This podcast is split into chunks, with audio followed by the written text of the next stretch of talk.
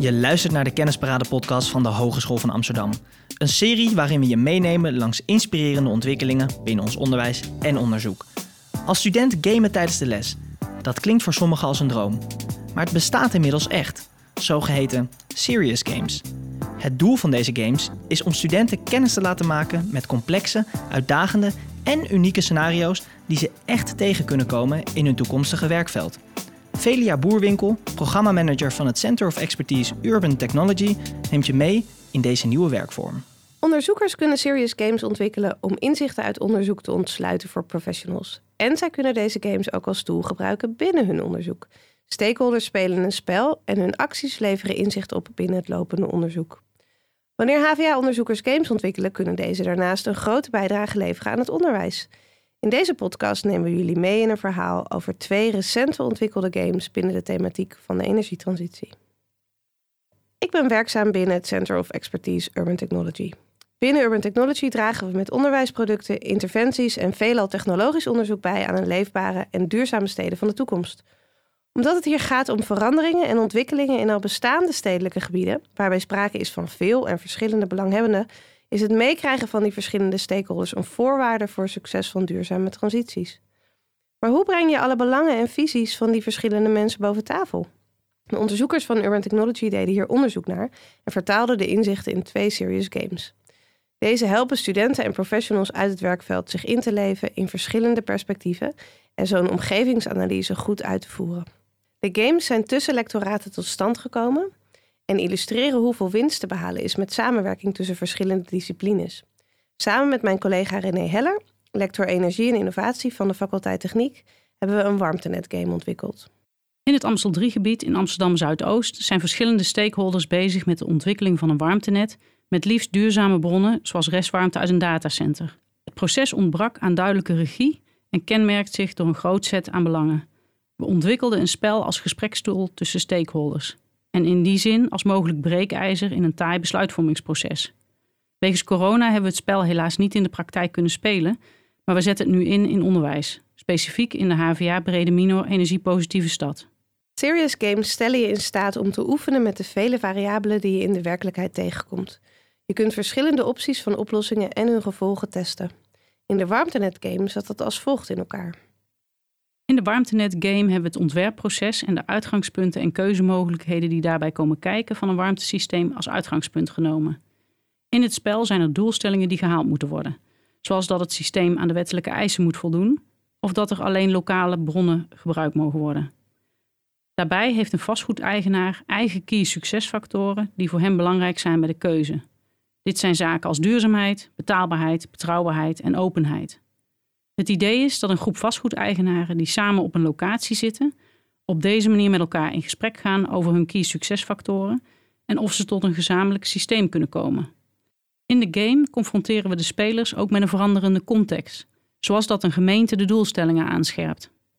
Serious games stellen je in de praktijk of als student niet alleen in staat te oefenen met verschillende variabelen, maar ze zijn ook een manier om ervaringsgericht verschillende rollen in een transitie te leren kennen.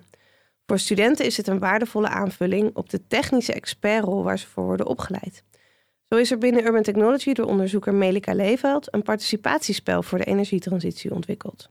Uh, specifiek voor studenten heb ik een participatiespel voor de energietransitie ontwikkeld binnen het onderzoeksproject Omgevingscanvas voor de energietransitie.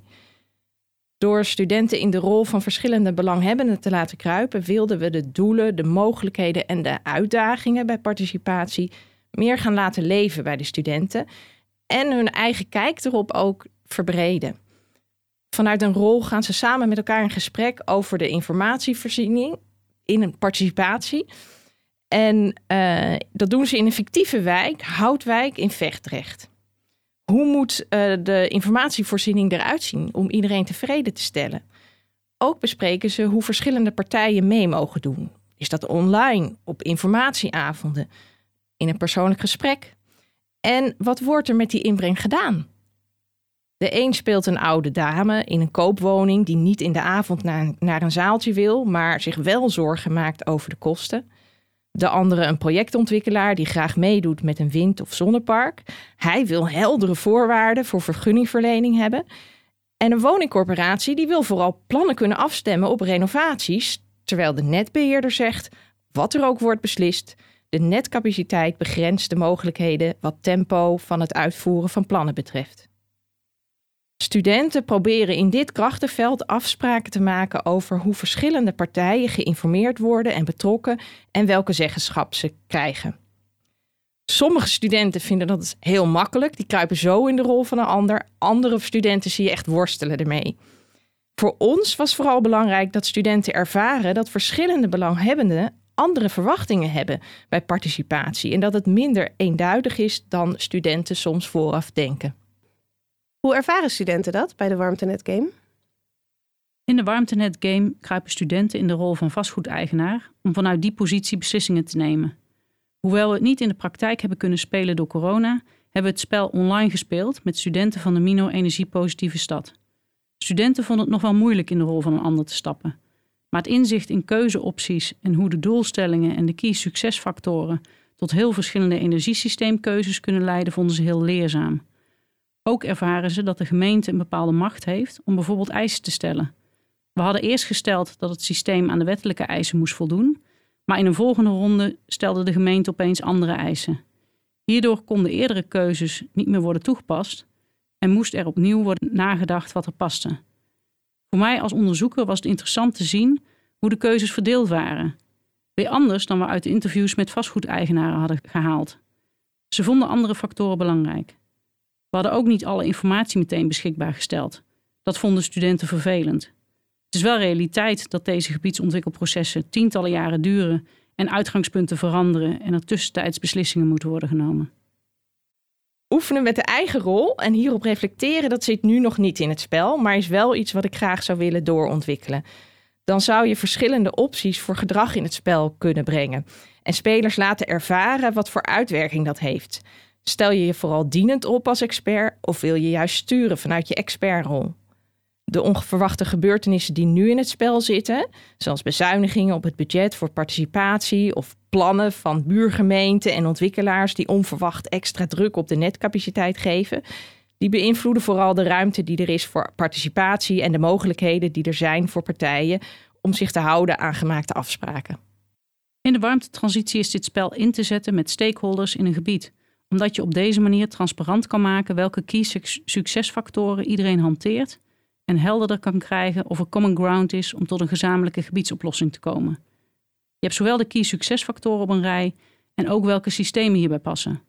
Op deze manier kun je een stakeholderproces inrichten waarbij je hierover goed met partijen in gesprek kan gaan.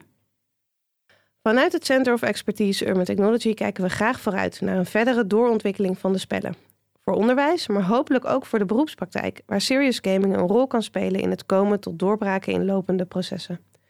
De voorbeelden laten zien hoe waardevol het is wanneer onderzoek, onderwijs en verschillende disciplines samenkomen in het beschouwen en oplossen van complexe problemen. Serious games passen bij de HVA. Ze koppelen onderwijs en onderzoek op een speelse, aansprekende manier aan elkaar. Ze bieden een middel om de praktijk dicht bij het onderwijs te brengen en zijn een waardevolle tool in actieonderzoek komende jaren gaan we hier nog veel meer van zien. Leuk dat je geluisterd hebt naar deze aflevering van de Kennisparade podcast serie. Wil je nou meer weten? Check dan ook de andere afleveringen van deze serie.